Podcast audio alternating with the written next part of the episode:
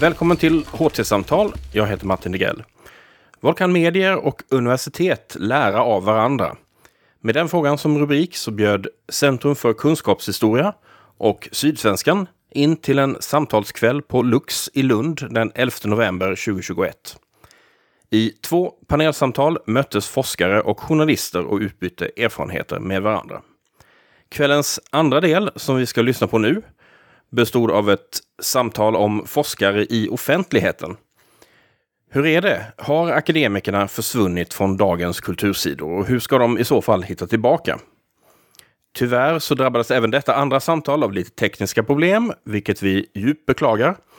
Medverkar gör hur som helst Viktor Malm, Daniel Sandström, Ida Ölmedal och Johan Östling. Och den som tar till orda först är moderatorn Andreas Ekström. Vi har alltså Ida Ölmedal här, kulturchef på Sydsvenskan, som ni redan har träffat. Och ni har ju också Viktor Malm, doktor minsann i litteraturvetenskap, men han har lämnat akademin och är numera kulturredaktör på Expressen. Daniel Sandström känner många av er, disputerad litteraturvetare här från Lund, tidigare Sydsvenskans kulturchef och chefredaktör, Svenska Dagbladets kulturchef och litterär chef på Albert Bonniers förlag. Ett CV som kräver ett andetag i mitten. Och sist men inte minst då Johan Östling som ni också har träffat som är historiker och föreståndare för medarrangerade Centrum för kunskapshistoria. Eh, nu ska, vi, nu ska vi, det är lite workshop på gång här nästan. För rubriken är ju Så ska ni ta plats på kultursidorna, forskare. Och många av er som är här förutsätter jag är specialintresserade av ämnet. Kanske har ni också läst de artiklar som har skrivits i frågan. Eh, jag tror att vi ska börja med att helt enkelt slänga ut en, en tes. Vi ska testa en tes som har framförts i de här diskussionerna. Stämmer det att akademikerna har dragit sig undan från kultursidorna, Ida? Eh, jag vet faktiskt inte, för jag har inte gjort någon undersökning. Eh, så att säga. Men eh, det, man, det jag vet är ju att det numera lönar sig mindre för akademiker om man tänker i en forskarkarriär att utöva det som kallas för tredjeuppgiften. Att att, att, eh, och då menar jag annan samhällssamverkan också. Det vet man. Mm, och vad säger Viktor om detta? Har du någon uppfattning om hur det här har statusen har förändrats? Om vi tar, vi börjar från när du börjar doktorera och sen hela vägen in nu då till, då rör vi oss över en, en tioårsperiod från att du kom in på universitetet till ditt liv på Expressen. Vad ser du då? Under den perioden vet jag inte om det har skett några större förändringar egentligen. Alltså det, det man upplevde kanske som doktorand var att det inte ansågs särskilt meriterande Kanske särskilt inte att skriva i en tabloid som Expressen. Möjligen mer meriterande att skriva understreckar i Svenska Dagbladet eller sådär. Men det, det, finns en tydlig rangordning i, i, i vad som anses fint och viktigt och vilken sorts texter man ska skriva. Jag skrev ju framförallt litteraturkritik och Ja, nej, men jag, jag, tror ingenting har förändrats där. Däremot så skulle jag vilja påstå att att det finns en hel del forskare och akademiker på kultursidorna. Det är inte en utrotningshotad art. Jag menar, det står två som var med i förra samtalet här. Farshid Jalalvand och Rebecka Selberg. Båda medarbetare på Expressens kultursida. Uh, vi har fyra eller fem disputerade litteraturvetare som återkommande medverkar på sidan. Vi har en musikhistoriker. Vi har 15-20 disputerade ungefär som inte alla är aktiva akademiker men, men, men de flesta är det. Och... Det är ut på alla kultursidor? Alltså de stora, väl? Eller? Det... Möjligen inte Aftonbladet. Hon, hon, frågade mig om det ser ut så på alla kultursidor. Ja, det, är ett, det är ett påstående. Ja, det var ett påstående och det gör det nog. Alltså, jag, jag skulle säga att de inte är utrotningshotade men den stora skillnaden kanske mot förr är att de sällan skriver om det de forskar kring. Alltså de agerar inte som forskare på kultursidan utan de agerar som kulturskribenter. Kritiker kanske. Och det glappet kanske inte alla forskare är beredda att ta. Mm. Det kanske inte är någonting man vill göra, kanske inte är någonting man attraheras av. Men, men det är tydligt, Farshid sa ju det, att det var inte förrän en pandemi bröt ut som folk blev intresserade av hans specialkunskap. Ja, men så där är det ju i och för sig alltid. Jag, menar, jag tror att man kan säga att Jan Järpe förde ett ganska stillsamt akademiskt liv fram till att 11 september inträffade. Då var han plötsligt en absolut oundgänglig akademiker som, som islamolog och kunde förklara och förstå den världen. Det är bara att det hade inte, vi hade inte räknat med eh, i, i det akademiska livet i Lund att oh, vi kommer att behöva någon som kan förklara den skärningspunkten mellan politik och teologi i islam. Utan det är ju universitetets roll att odla fram akademiker. Hur, hur de sen ska användas, det ger ju tiden.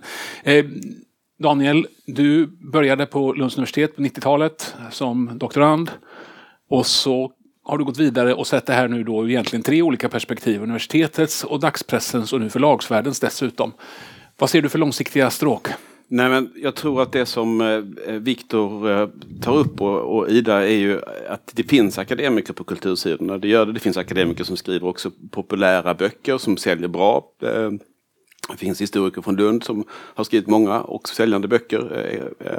Så det är, inte, det, det, är inte förändrat på det sättet. Vad jag tror är förändrat är dels är det en, en slags Eh, alltså en kulturförändring egentligen som, är, som, som har förändrat både tidningen och som, som också har förändrat eller, eh, universitetet. Och den kulturförändringen består av olika typer av moderniseringsprocesser egentligen. Eh, som har med, för universitetets del så en, liksom en ökad fokus på bibliometri och en, skulle jag kalla för mer teknokratisering av själva forskarrollen. Det tredje uppgiften har inte alls samma status som tidigare.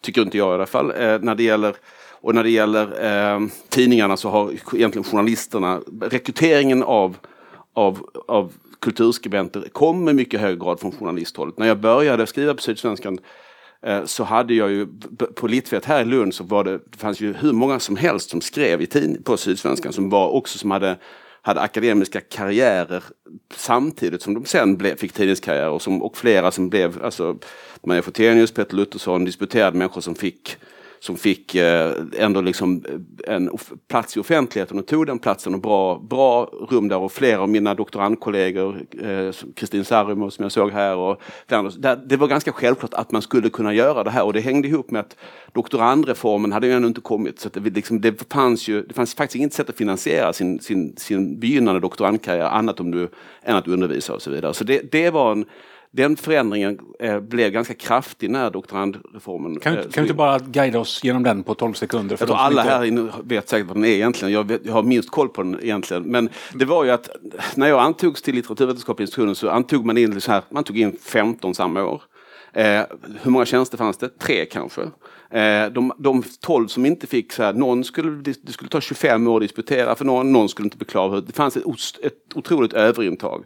Och universitetet brydde sig inte så mycket om detta, det var inte deras problem. Sen kom tandreformen och då sa man att på fyra eller fem år så ska man göra sig klar, gör man klart och man ska inte hålla på med böcker som, som blir 900 sidor. Folk ska inte liksom gräva ner sig i ett hål och aldrig komma upp igen.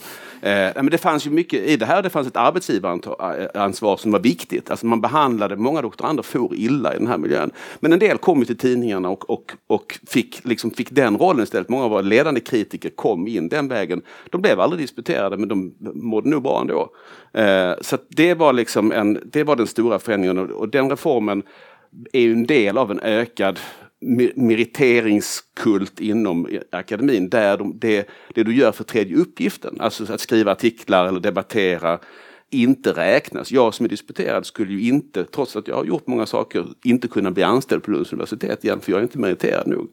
Så det visar ju att, liksom att, att erfarenheterna som räknas är en viss typ av, av väldigt kodifierade eh, kollegiala eh, meriter är det som universitetet kräver och då, räknas inte, då funkar det inte med, med en tidningskarriär. Och bara jag som liksom... Jag disputerade för två år sedan, två och ett halvt år sedan, två år sedan och fem månader. Redan för mig är det nästan för sent att liksom återvända ja. till universitetet. Jag missade postdoc-fönstret. Jag har liksom inte fått några anslag under de här åren, inte meriterat mig på något sätt. Jag är redan ute och leken för att jag valde en annan bana. Mm. Och, och, det är ju en, en enorm förändring. Mm. Nej, men det stämmer ju mycket det ni säger här och jag har ju gått tillbaka till 60-talet och jämfört och jag tror den värld som Daniel klev in i där i början på 90-talet det påminner rätt mycket om, om det som fanns på 60-talet och framförallt fanns det ju sociala band som band samman då Segervång, den nya skrapan där invigd 65 va? och eh, eh, Lunds universitet. På många sätt eh, var det så att det fanns mycket tätare band även om vi råkar sitta här nu och kanske vill återupprätta de här banden. Eh, det är en viktig skillnad. Sen tror jag det som Viktor är inne på också stämmer att eh, den akademiska kunskapen och i synnerhet då humaniora, klassisk humaniora var mycket mer företrätt. Man diskuterade eh, nya avhandlingar. Det var självklart att de skulle recenseras på ett sätt som inte är fallet nu. Nu hör det till undantagen skulle jag säga. Eh, så att det är viktiga skillnader. Sen måste vi också komma ihåg att universitetet har genomgått en enorm förändring. Idag har vi, jag tittar på rektor här, Erik Renström, har vi 8000 anställda vid Lunds universitet ungefär. 8 och 2. Eh, och det säger sig självt att, att alla de kan inte få plats på kultursidorna. Många av dem är internationellt rekryterade, framförallt då från, från naturvetenskap och medicin och kan inte svenska. Så att eh, det har skett stora förändringar både av pressen och av universitetet sedan dess. Men man ska också lägga till att de här avhandlingarna som du pratar om som blev recenserade. Vi, vi som var doktorander på 90-talet, vi som växte upp i den här miljön. Där fanns det liksom en eh, kanske lite naiv och fåfäng förväntan att vi skulle skriva avhandlingar som skulle kunna publiceras. Till exempel på Bonniers. Och det fanns exempel på avhandlingar som också sålde bra. Jag menar, det finns en av de mest omtalade avhandlingarna i svensk litteraturhistoria på 1900-talet är ju Horace Engdahls Den romantiska texten. Som var en, en, bok innan det blev en avhandling. Så att det, det, visar ju liksom hur att den miljön var, det var inte bara att, den, att det råkade bli så, det fanns en, liksom en överenskommelse med, i offentligheten att det här var bra för alla parter. Kan man säga. Och den överenskommelsen har ju egentligen fallit bort kan man, nu. Mm. Jag ska ställa en fråga till Ida och jag ska ställa den långt så du hinner ta på dig headsetet. Jag tror till och med att det är bättre att ta på det istället för att hålla det. Eh, jag vill eh, hävda att journalistiken kräver en viss lätthet i steget och språket. Det tror jag nästan att alla håller med om. Och, om vi nystar i det då, alltså så här, då, då, vill vi att forskaren ska vara sakkunnig och mm. forskaren ska vara eh, en god pedagog. Men, men den rappa dagstidningsskribenten ska, ska vara en annan sorts pedagog, en annan sorts stilist. Kan vi, kan vi inte bara försöka att få en kravspecifikation på lysande kulturjournalistik i, i, i teknisk mening? Alltså hur, hur, skriver man bra? Hur, hur gör, jag vill själv lära mig mer om detta. Um, hur, vad vill du se, enkelt uttryckt, när du, du skrev ju en, en rådgivande text här häromdagen. Jag ser att du har boken eh, Text och stil av Magnus Linton på bordet. Det är en rimlig bedömning som redaktören gör. Du kan gärna få hålla upp den där. Det är faktiskt en, eh, det är en utmärkt liten bok, tycker jag. Han är ju en av de bästa vetenskapsskribenter vi har, tycker jag. Han har bland annat skrivit den här Knark om eh, svensk narkotikapolitik som är fantastisk. Um, nej men, ja, hur en bra kulturskribent... Jag, jag skulle säga att det, liksom finns ett, det finns ju ett gäng olika typer liksom. Det finns eh, typen som är en eh, public intellectual. Det kanske, om man tänker hur Farshid skriver till exempel så han är ute och har åsikter som är väl underbyggda där man som läsare kan följa med där dramaturgin kanske är en debatt med, där det sker en åsiktsbrytning mot andra skribenter.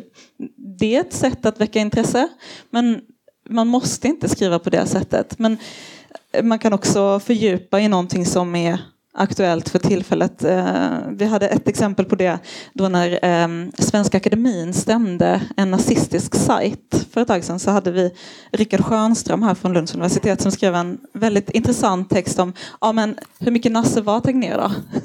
Mm. Ehm, för de hade stämt dem för att de använde eh, texter av Tegnér på sin sajt. Eh, alltså det vill säga att man, man kan gå in i det på olika sätt men jag tror att det, den vanligaste feedbacken som man ger till forskare är så här ja, men det behöver finnas någon motivering till varför man ska läsa texten just nu och varför det ska vara just du som skriver. Varför just nu, varför just du? Om du har med det i din pitch så har du kommit ganska långt. Mm. Sen är vi ju slavar i dagspressen under aktualitet. Vilket ju är på gott och på ont. Alltså en, en riktigt stark självständig skribent sätter ju också dagordningen, följer den inte bara. Hur Viktor, eh, så hinner vi börja flytta headset här också. Hur Viktor, alltså Expressen berömmer ju sig om att vara blixtrande snabb allra helst. Va? Alltså ni, ni, ska vara först med nyheten, ni ska ha ett visst typ av tilltal, ni ska ha en viss typ av tempo och grejen ska helst vara publicerad redan i förmiddags. Hur?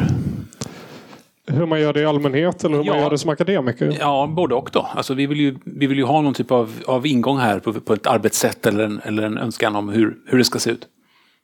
Man kan ju börja med att jag disputerade och hade min disputationsfest här en våning upp en lördag. Och sen flyttade jag till Stockholm på söndagen och började på ett vikariat på Expressen på måndagen. Och den omställningen i, i tankesätt, här hade jag försvarat ett arbete jag hade hållit på med i fyra år. 500 sidor.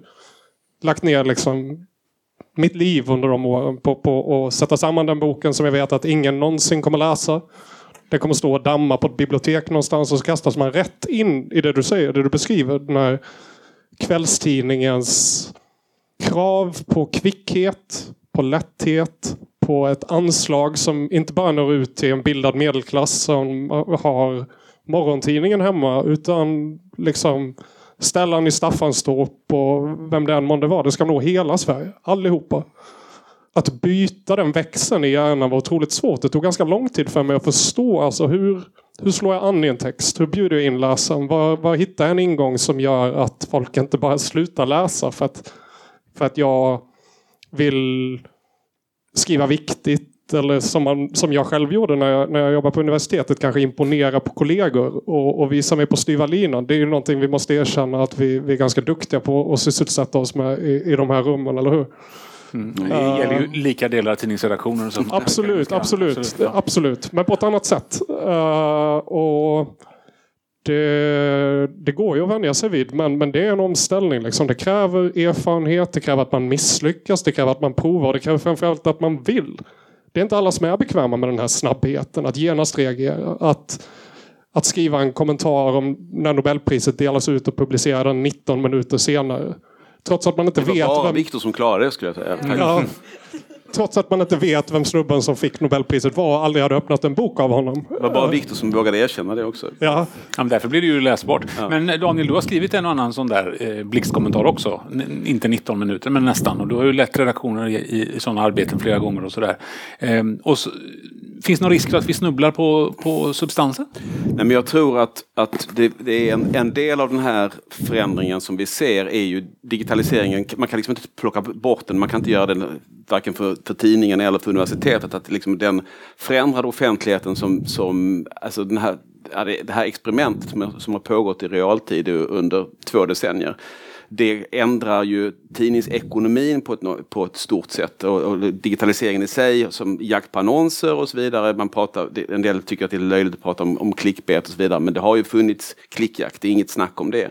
Och fortfarande för en annons, alltså idag, även idag så finns det en tidningsbibliometri spelar ingen roll om man har annonser eller om man ska dra in prenumerationer. Man ser ju hur många, hur många texter som konverterar till prenumerationer och då skriver du fler sådana texter så får du, får du mer beröm. Det är, en, det är en otroligt mycket mer mätbar verksamhet än vad det var på min tid. Mm. Jag skulle säga att den här utvecklingen, så det finns en motsvarande, om man kan vara kritisk mot liksom den extrema fokuset på, på, på liksom de här, den, viss typ av meritering inom universitetet så finns det ju i motsvarande grad en mätbarhets eh, ekonomi inom tidningsbranschen som jag skulle också säga i vissa fall driver ju då eh, utvecklingen i en riktig... På min, alltså, förr var ju snabba kommentarer och så vidare. Det var ett sätt att, liksom att, att mixa upp kultursidan som var huvudsakligen en pappersprodukt. Man hade en stor text, en krönika och en mindre recension. Och sen hade man små hyllor som man, där man skrev små nålstick och var lite rolig och så vidare.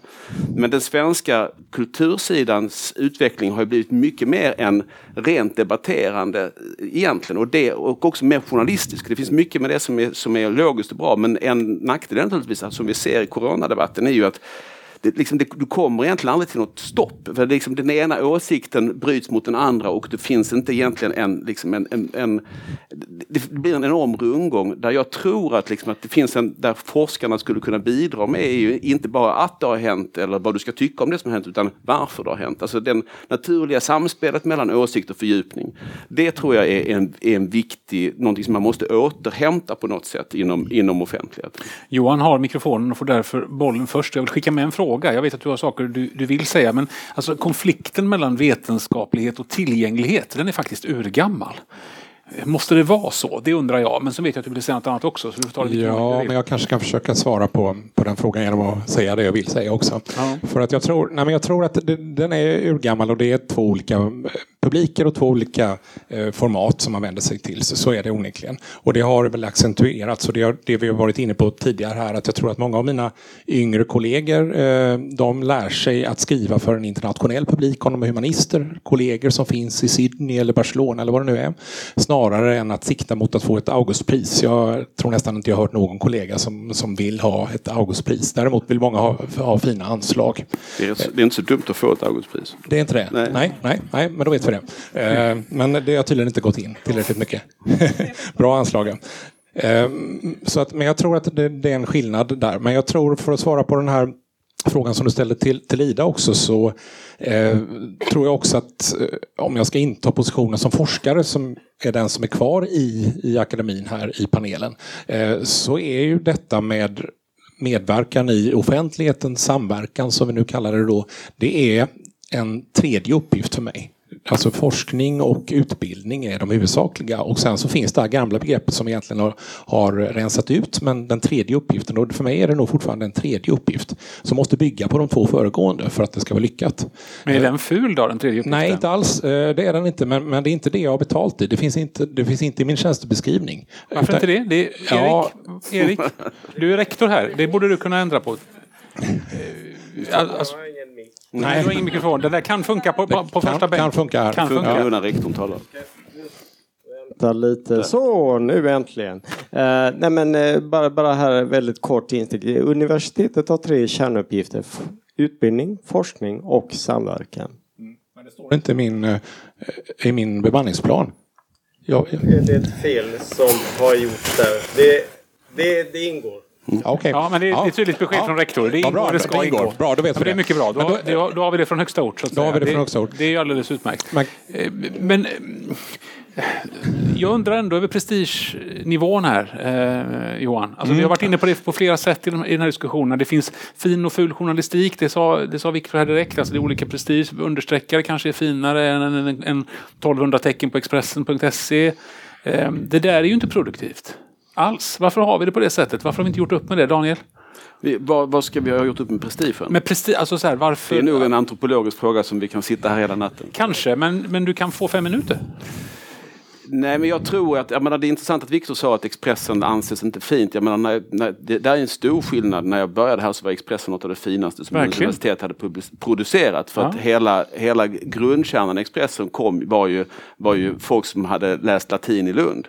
Eh, Bo Strömstedt, många andra. Sen så har det också skett en idealisering av Expressen och vice versa sen dess egentligen. Som Viktor kan prata om och Ida kan prata eftersom båda är Expressen-barn egentligen. Lundagård och så vidare. Men jag tror att prestige är, är en intressant fråga. Eh, eh, varför, det här att vara fin, att vara viktig. Eh, det var därför jag sa att det är, också, det är inte så dumt att vinna ett Augustpris. Jag tror det är klart att om det fanns fler forskare som, som verkligen fick en framgångsrik karriär som folkbildare. Jag tänker på, vi har pratat mycket nu efter Pertti Olssons bortgång, att vad som gjorde Pertti unik eh, var ju inte att han var egentligen opinionsbildare eller att han också hade mycket historia, utan det var en blandning av de här sakerna och att han kunde nå ut med det.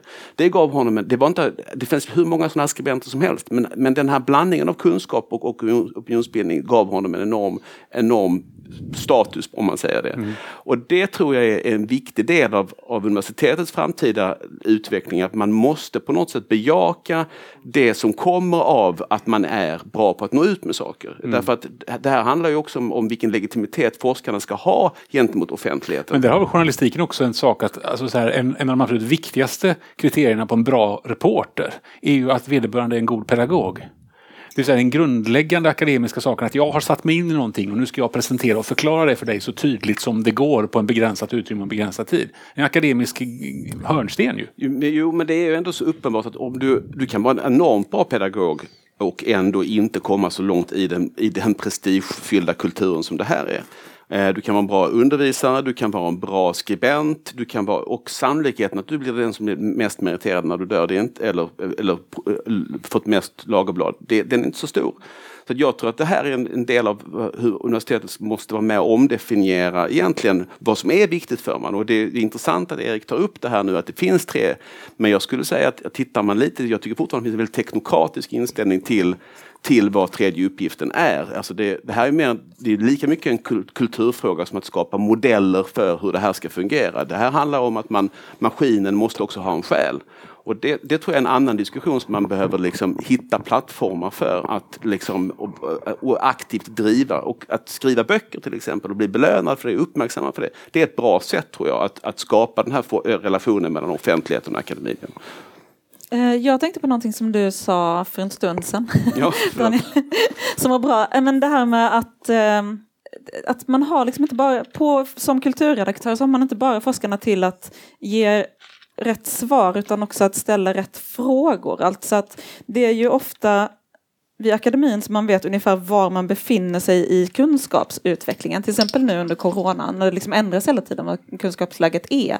Och att det är rätt så lätt för mig som redaktör att identifiera det här är frågan för dagen, där är någon som kan någonting om det och så lägger jag ut eh, en, eh, en text. Men just det här att veta var befinner vi oss i, i vad vi vet, det är svårare. Och just som, möten som det här är ganska bra för det. Att det, det behövs liksom mer av ett utbyte som är lite mer kontinuerligt för att Mm. få till det tror jag. Sen tänkte jag på något som jag hörde dig säga som jag inte håller med om. Mm. Eller skulle vilja, oj, bara, oj, hörs jag fortfarande trots Ja. att jag Vissa jag skulle bara funkar. vilja säga någonting till um, mäthetsens försvar. Till mäthetsens försvar.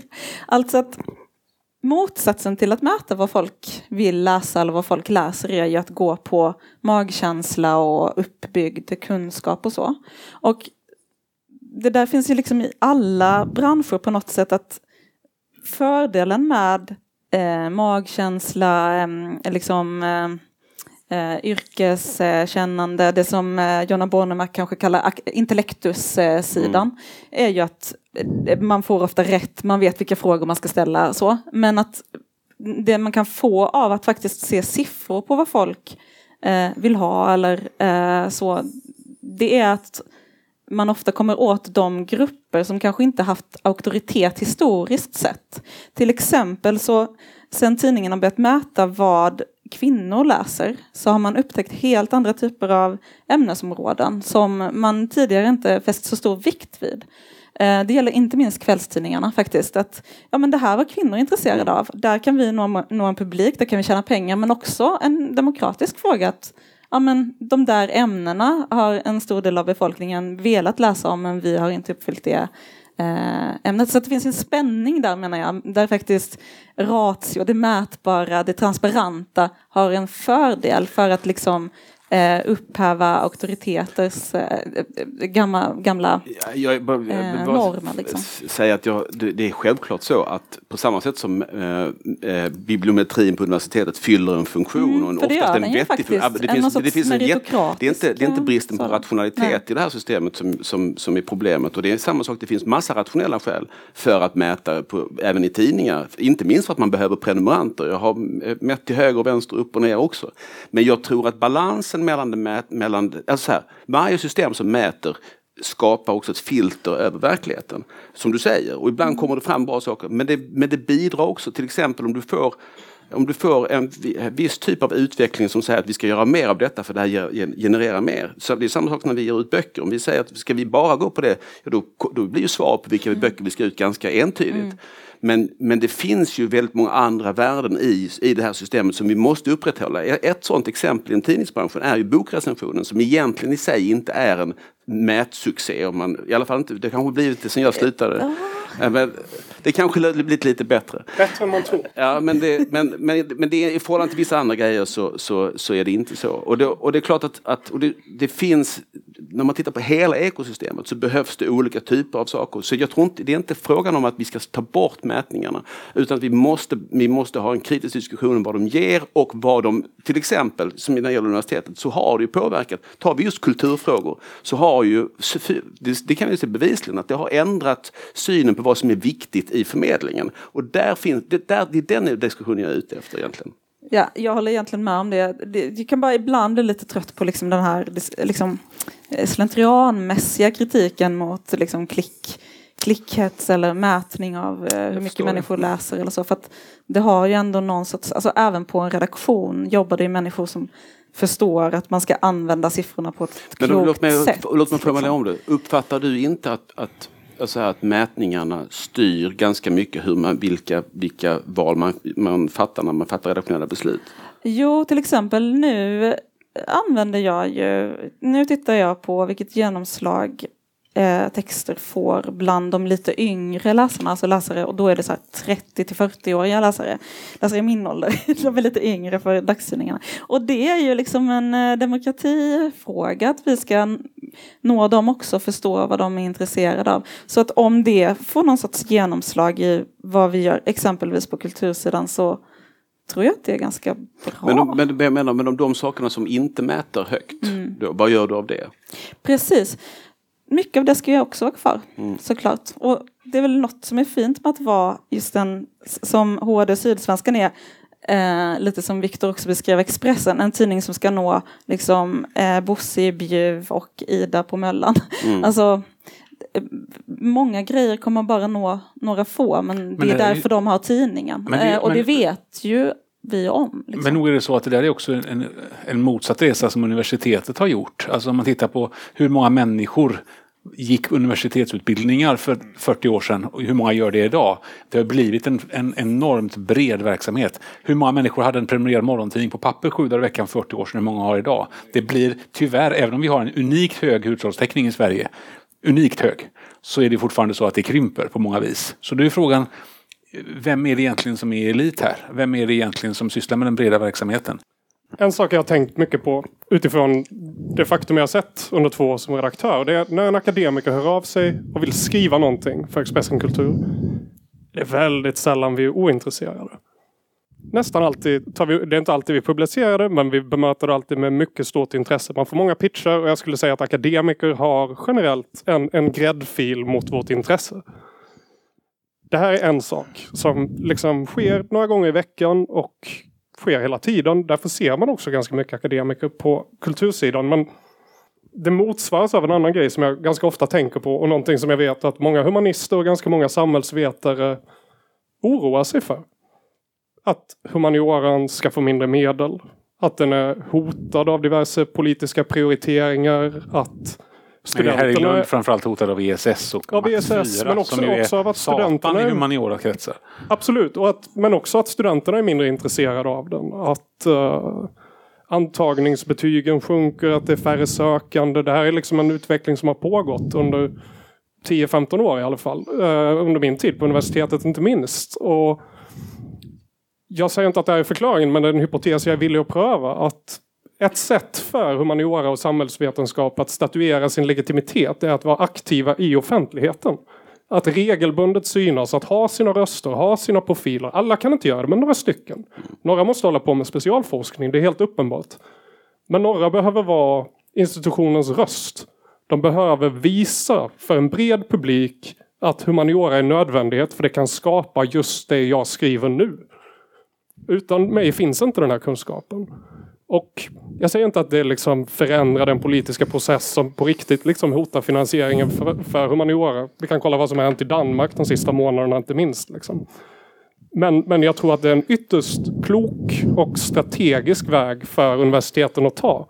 Om de på riktigt vill bemöta den här förändringen som, som vi alla ser pågå. Eller hur?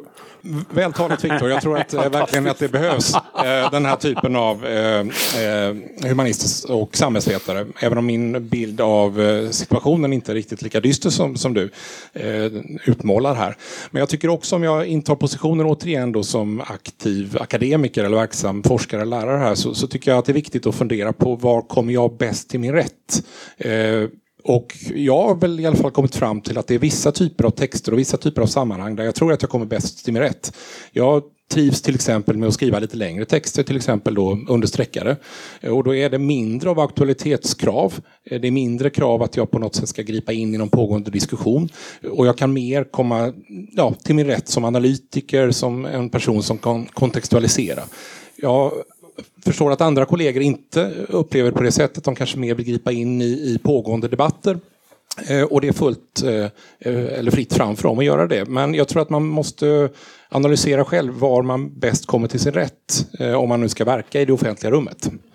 Men, men det jag är rädd för med det svaret. Det är att 99 procent av dina kollegor kommer svara likadant.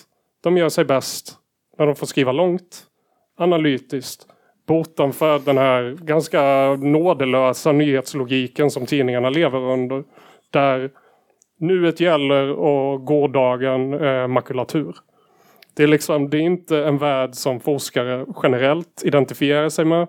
Det är inte ett arbetssätt som forskare generellt vill ge sig in i. Och jag är helt på det klara med att det liksom saknas institutionella ramar och incitament för att mana forskare att lära sig den logiken och bli en del av den. Men jag tror att som strategi på sikt är det nödvändigt att, att det finns en litteraturvetare, en idéhistoriker, en historiker i Lund, en genusvetare, finns en genusvetare som liksom agerar på något sätt. Alltså, och det, här, det här är ju någonting som inte finns, jag förstår det. Jag, jag, jag pratar om någon slags idyll här men jag, jag tror att det kommer vara viktigt framöver. För att det här är ämnen som regelbundet måste hävda sin legitimitet offentligt. Jag, i, jag vill bara lägga till där. I den diskussionen så tror jag också att eh, man ska inte, det handlar inte bara om... Tror, du säger att, att, att, de inte, att 99 av 100 forskare väljer att skriva det här, den formen av som, som, eh, som Johan pratar om. Men jag tror att naturligtvis handlar det också om att, att eh, om universitetet ändå lyfter fram det vidare så kommer, ju, så kommer det beteendet ändå att i sig ändå bidrar till ekosystemet. Alltså understreckarna menar, är ju en del av ett större ekosystem där Expressen har en annan del. Så jag tycker det är nu bra att, att det finns den där mångfalden. Vad jag tror är den mest akuta frågan här, dels är det eh, kopplat till att, att man behöver stärka den tredje uppgiften så att man, så att man kan, kan ändå liksom uppmana folk att göra det här för, av legitimitetsskäl. Men sen finns det också en ren och skär demokratiuppgift gentemot läsarna medborgarna som också faktiskt betalar forskningen. Mm. Att, mm. att ge tillbaka dem den forskning som de har varit med och finansierat. Och gör man inte det så tror jag nästa steg i den här tiden vi lever är ju att det här demokratiska underskottet som vi ändå kan prata om, att de, det kommer ju komma in, kommer ju redan nu in i klassrummen, i, i föreläsningssalen. Att folk inte längre förstår kanske vilka villkoren är för en intellektuell debatt, vad du kan, vad du kan göra och inte göra. Att, och det uppfattar jag att, att det finns en sån osäkerhet kring vad som är giltigt och inte i en intellektuell debatt, uppfattar jag kommer av att universiteten inte har varit tillräckligt tydliga och tillräckligt skickliga i att, att driva den, den debatten gentemot allmänheten. Så vill man ha duktiga studenter som kommer in och kan föra det samtalet så måste man nu vara med och utbilda dem innan de kommer in i klassrummen. Jag, jag, kan, jag kan ge ett utmärkt exempel på hur det här kan se ut. För att jag blev så chockad när det hände. Mm. Uh, det var en professor i Lund, hon kanske är här idag. Jag behöver inte säga hennes namn i alla fall. Mm. Men hon uh, skickade i början av sommaren en uh, sin opponering på en avhandling fast omarbetad till en artikelversion som skulle passa våra format, det vill säga 5500 tecken i alla fall. Det var en avhandling som handlade om flyktingkrisen, högaktuellt. Liksom någonting folk fortfarande är djupt intresserade av och liksom en konfliktfråga som skär rakt in i samtiden nu. Och jag var så här, oj, det, det har ingen gjort förut. Ingen har skickat sin opponering på en avhandling. Men det är ju den noggrannaste läsningen en avhandling någonsin får. Det var en väldigt kvalificerad text, välskriven, snygg, anpassad efter vårt format. Jag bara, självklart vi ska publicera det här, det här var jättebra. Uh, och det blev också en väldigt läst text, väldigt uppskattad text. Folk brydde sig. Jag menar, man måste inte vara den som man måste inte skriva om Bianca Ingrosso. Men det, utifrån ett genusvetenskapligt perspektiv. Man, man, kan göra det här på väldigt olika sätt. Genom att lära sig förstå hur medielogiken fungerar. Och det, det här var det en professor som uppenbarligen hade gjort det. Mm. Och, och det, det blev väldigt bra. Men den rollen är ju i huvudsakligen mediernas egentligen. Att beställa den typen av texter. Precis här har vi ju då turen ur ditt perspektiv. Att du, att du har en akademiker som så precis förstår att det här gör jag bara skruvar jag bara så här så kommer det upp och sitta som en smäck hos dig. Ja, jag lärde eh, mig också någonting av det här. Ja, men då finns det ju en möjlighet för dig att gå ut och säga kan jag använda den här metodiken för att få in en lika bra text absolut. igen från någon annan? Det kan ju vara en guldgruva, en metod som, som är ny då. Ja, absolut. Det, det kräver ju förvisso eh, en, eh, att man sitter och bevakar vilka, vilka disputationer som äger rum på, på de svenska lärosätena. Mm. Och det är ju ett antal i veckan. Mm. Men, men jag, jag det, det lärde mig någonting också. Uh, att oj, det här är en form av texttyp eller kunskap eller samtal med kunskapen som äger rum till exempel i den här aulan ibland gissar jag eh, men som sällan lämnar den. Det finns, Och som är det, väldigt värdefull. det finns en aspekt till på det här som knyter an lite grann till vår diskussion som vi hade före pausen. Eh, Sydsvenskans tidigare kulturchef, numera kulturskribent Rakel Shukri, sa en gång när hon läste, läste i kappen en tuff offentlig debatt så suckade hon på redaktionen. Offentligheten is a bitch. Eh, Och hon sa det kom från hjärtat verkligen. Så det är arbetsamt att vara i offentligheten. Att, att ta diskussioner, att, att ta konflikter, att göra starka ställningstaganden, att synas. Särskilt var det säkert det för Rakel som, som 30-åring med ett icke svensklingande efternamn och som kvinna fick, var, fick ett fantastiskt uppdrag som kulturchef på Sydsvenskan. Har en annan erfarenhet av offentlighet än vad till exempel någon som ser ut som jag har. Det, så är det ju. Eh, Men offentligheten är tuff för alla. Det är inte bara eh, för henne eller i det sammanhanget hon läste den debatten. Detta är ju en faktor som en forskare upplever jag väger in ofta. Jag menar alla som är reportrar på en tidning har ju tusen gånger ringt till ett universitet och sagt att jag behöver någon som kan hjälpa mig att förklara eller uttala sig om det här.